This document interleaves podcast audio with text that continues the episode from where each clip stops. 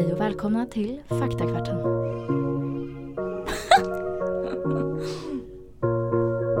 Hej! Vilken härlig Hallå. röst Filippa. Var det? Ja, Verkligen. Det kändes som jag var en ja radiopratare. det var Mm, sån stämning. Ja, tack. Verkligen och eh, välkomna tillbaka till Faktakvarten. Vad är diabetes typ 2? Ska vi idag besvara. Ja, precis. Senast så försökte vi ju förklara vad diabetes typ 1 är. Mm. Eh, och nu som sagt diabetes typ 2. Mm. Eh. Så Felicia, skicka bollen till dig. Vad Ah. är typ 2 diabetes? Stort tack. ah. Eh, jo men det som händer i kroppen när man har diabetes typ 2 det är att cellerna blir mindre känsliga för insulin. Alltså cellerna kan inte ta upp insulinet. Vilket då betyder att bukspottkörteln fungerar. Ja precis. Eh, Men det- kroppen kan inte ta upp sitt egna insulin. Mm, exakt. Och precis som om man har diabetes typ 1, alltså en likhet liksom för alla människor, det är ju att kroppen eh, och kroppens celler behöver energi. Och energi är socker. Eh, och för att cellerna ska kunna ta upp det här sockret så behövs insulin. Det är ju precis samma sak om man har diabetes typ 1 eller typ 2. Men som sagt, har man diabetes typ 2 så kan inte cellerna ta upp insulinet. Nej. Eh, och det första som händer då när man får diabetes typ 2 det är att man får så kallad nedsatt glukostolerans. Alltså att kroppen inte kan hantera högt eller hantera blodsockret lika effektivt som innan. Och det händer ju alltså för att cellerna blir mindre känsliga för insulin. Alltså att man får en typ av insulinresistens. Eh, och då stiger blodsockret. Något som också är intressant är ju symptomen man får när man får typ 2 diabetes. Vilket kan bland annat vara att man blir väldigt trött och kissar ofta. Och de symptomen känner vi också igen från en typ 1 diabetes. Men skillnaden här är att symptomen kommer ofta mycket långsammare. Eh, och det kan vara alltså, så pass långsamt att ibland blir det till och med svårt att märka. Så det finns ju ett stort mörkerantal av typ 2 diabetes i världen. Alltså det är många som lever med det utan att veta om det. Och Sandra, det vet jag att du har lite siffror på. Ja, det är över 200 miljoner människor som lever med diabetes utan att veta om det. Eh, och sen så är det 2015 gjorde man en mätning att det var 415 miljoner vuxna eh, som lever med diabetes. Och man tror att 2040 kommer antalet att stiga till 642 miljoner. Och då är alltså de här 200 miljonerna utöver de Mm. som faktiskt är diagnostiserade med Exakt. diabetes. Så det betyder att det här är ju en folksjukdom. Alltså det är en extremt vanlig sjukdom som många lever med. Mm. Och man säger att diabetes är en av de mest vanliga icke-smittsamma sjukdomarna globalt sett. Eh, och man har gjort studier som visar att sjukdomen, då framförallt typ 2 diabetes, eh, har en så snabb utveckling att den liknas vid en epidemi. Mm. Mm. Sjukt. Ja, Mm. verkligen. En stor skillnad också mellan typ 1 och typ 2 är ju också behandlingen. Ehm, för i många fall så kan en typ 2 diabetiker göra väldigt mycket själv för att sänka liksom blodsockervärdet och göra att kroppen då blir mer mottaglig för sitt insulin. Ehm, men ibland så behövs också läkemedel. Mm. Och då är ju insulin bara ett av dem. Det finns många andra läkemedel som man tar om man har diabetes typ 2. Eh, och där, det är ju jätteindividuellt så det behöver vi inte gå in på. Men det är bra att känna till att det finns många olika typer av eh, mediciner eller läkemedel. Eh, men målet med behandlingen är ju precis samma sak som om man har diabetes typ 1. Och det är ju intressant. Målet är ju att få ner blodsockret. Ehm, och sen anledning till varför man får högt blodsocker är lite olika. Men det är det som är målet. Ja. Ehm, men precis som för diabetes typ 1 så är också anledningen till att få diabetes typ 2 ganska så okänd. Eh, eller den exakta orsaken är okänd. Ehm, men risken att drabbas är ofta ärftlig och den påverkar oss också av hur man lever. Eh, till exempel av vikter vikt fetma, stress och rökning kan också påverka ehm, huruvida man får diabetes typ 2 eller inte.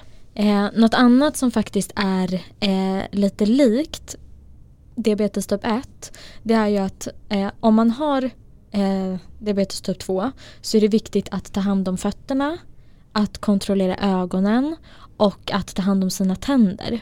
Och det har ju att göra med att de här små blodkärlen i kroppen är lätt skadas ifall man har en liksom, dåligt behandlad diabetes eller om man har lite för högt blodsocker under en längre tid.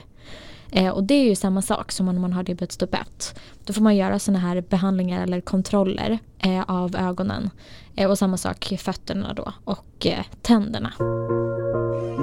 Eh, så om man har typ 2 diabetes så kan det ju behandlas på väldigt olika sätt. För det är samma där att den här sjukdomen är väldigt individuell både av orsak och hur man sen väl behöver behandla den. Så i vissa fall så kan det räcka med att man, eh, man ändrar om sina vanor, mer fysisk aktivitet och kanske bättre kost. I vissa fall kan man också behöva eh, alltså, äta vissa tabletter, vissa för att öka cellernas känslighet för insulin. Mm. Eh, och sen finns det en mängd olika läkemedel man kan ta vilket jag inte kommer gå in på detalj på. Men det kan också vara så att man eh, behöver komplettera med insulin mm. i sprutbehandling. Eh, och ibland redan från när man får diagnosen men i de flesta fall så dröjer det flera år mm. innan man kommer till det stadiet att man behöver börja ge kroppen insulin. Okay. Mm. Så den är inte lika vanlig då utan oftast kanske man kan börja med en variant där man antingen eh, börjar ändra sina egna vanor eller då tablettform. Mm. Och jag sa ju det tidigare att, att målet med behandlingen är samma sak om man har diabetes typ 1 och typ 2. Men vid diabetes typ 2 så är det också viktigt att förhindra högt blodtryck och höga halter av blodfetter. Så det ingår liksom i behandlingen. Mm. Eh, så den allvarligaste eh, komplikationen som en typ 2-diabetiker kan få eh, är att pulsådran Eh, eller ådrorna eh, åderförfettas snabbare. Eh, och det innebär då att det bildas lagringar av fett och blodkroppar och bindväv på eh, blodkärlens insida och då får ju blodet svårare att liksom, passera. Man kan också få komplikationer i små blodkärl eh, och de är inte livshotande på samma sätt. Eh, men det kan leda till att man får skador på till exempel nätats, eh, ögats näthinna, njurskador eller skador på levern. Och det är ehm. därför som jag nämnde då som det är viktigt att hålla koll på, gå på de här kontrollerna för ögonen och fötterna och sådär. Precis. Och sen då kan ju också sjukdomen med åren försämras. Som jag pratade om lite tidigare. Att med åren så kan blodsockervärdena långsamt öka. Um, och det skiljer sig också med en typ 1. Att det här kan vara en sjukdom som kan bli liksom stegvis värre och värre. Och att man kanske måste justera sin behandling på liksom betydligt större sätt. Alltså mm. att man måste byta behandlingssätt helt så. Eh, och att man då till slut kanske också då behöver börja eh, ge kroppen insulin. Ja, för det är ju högt blodsocker som leder till komplikationerna. Mm. Mm. Precis.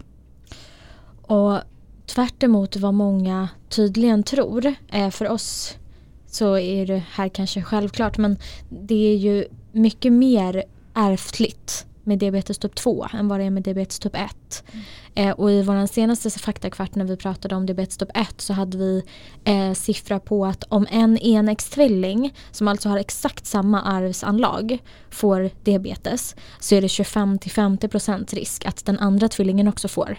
Men när det gäller diabetes typ 2 så är risken 90%. Oj.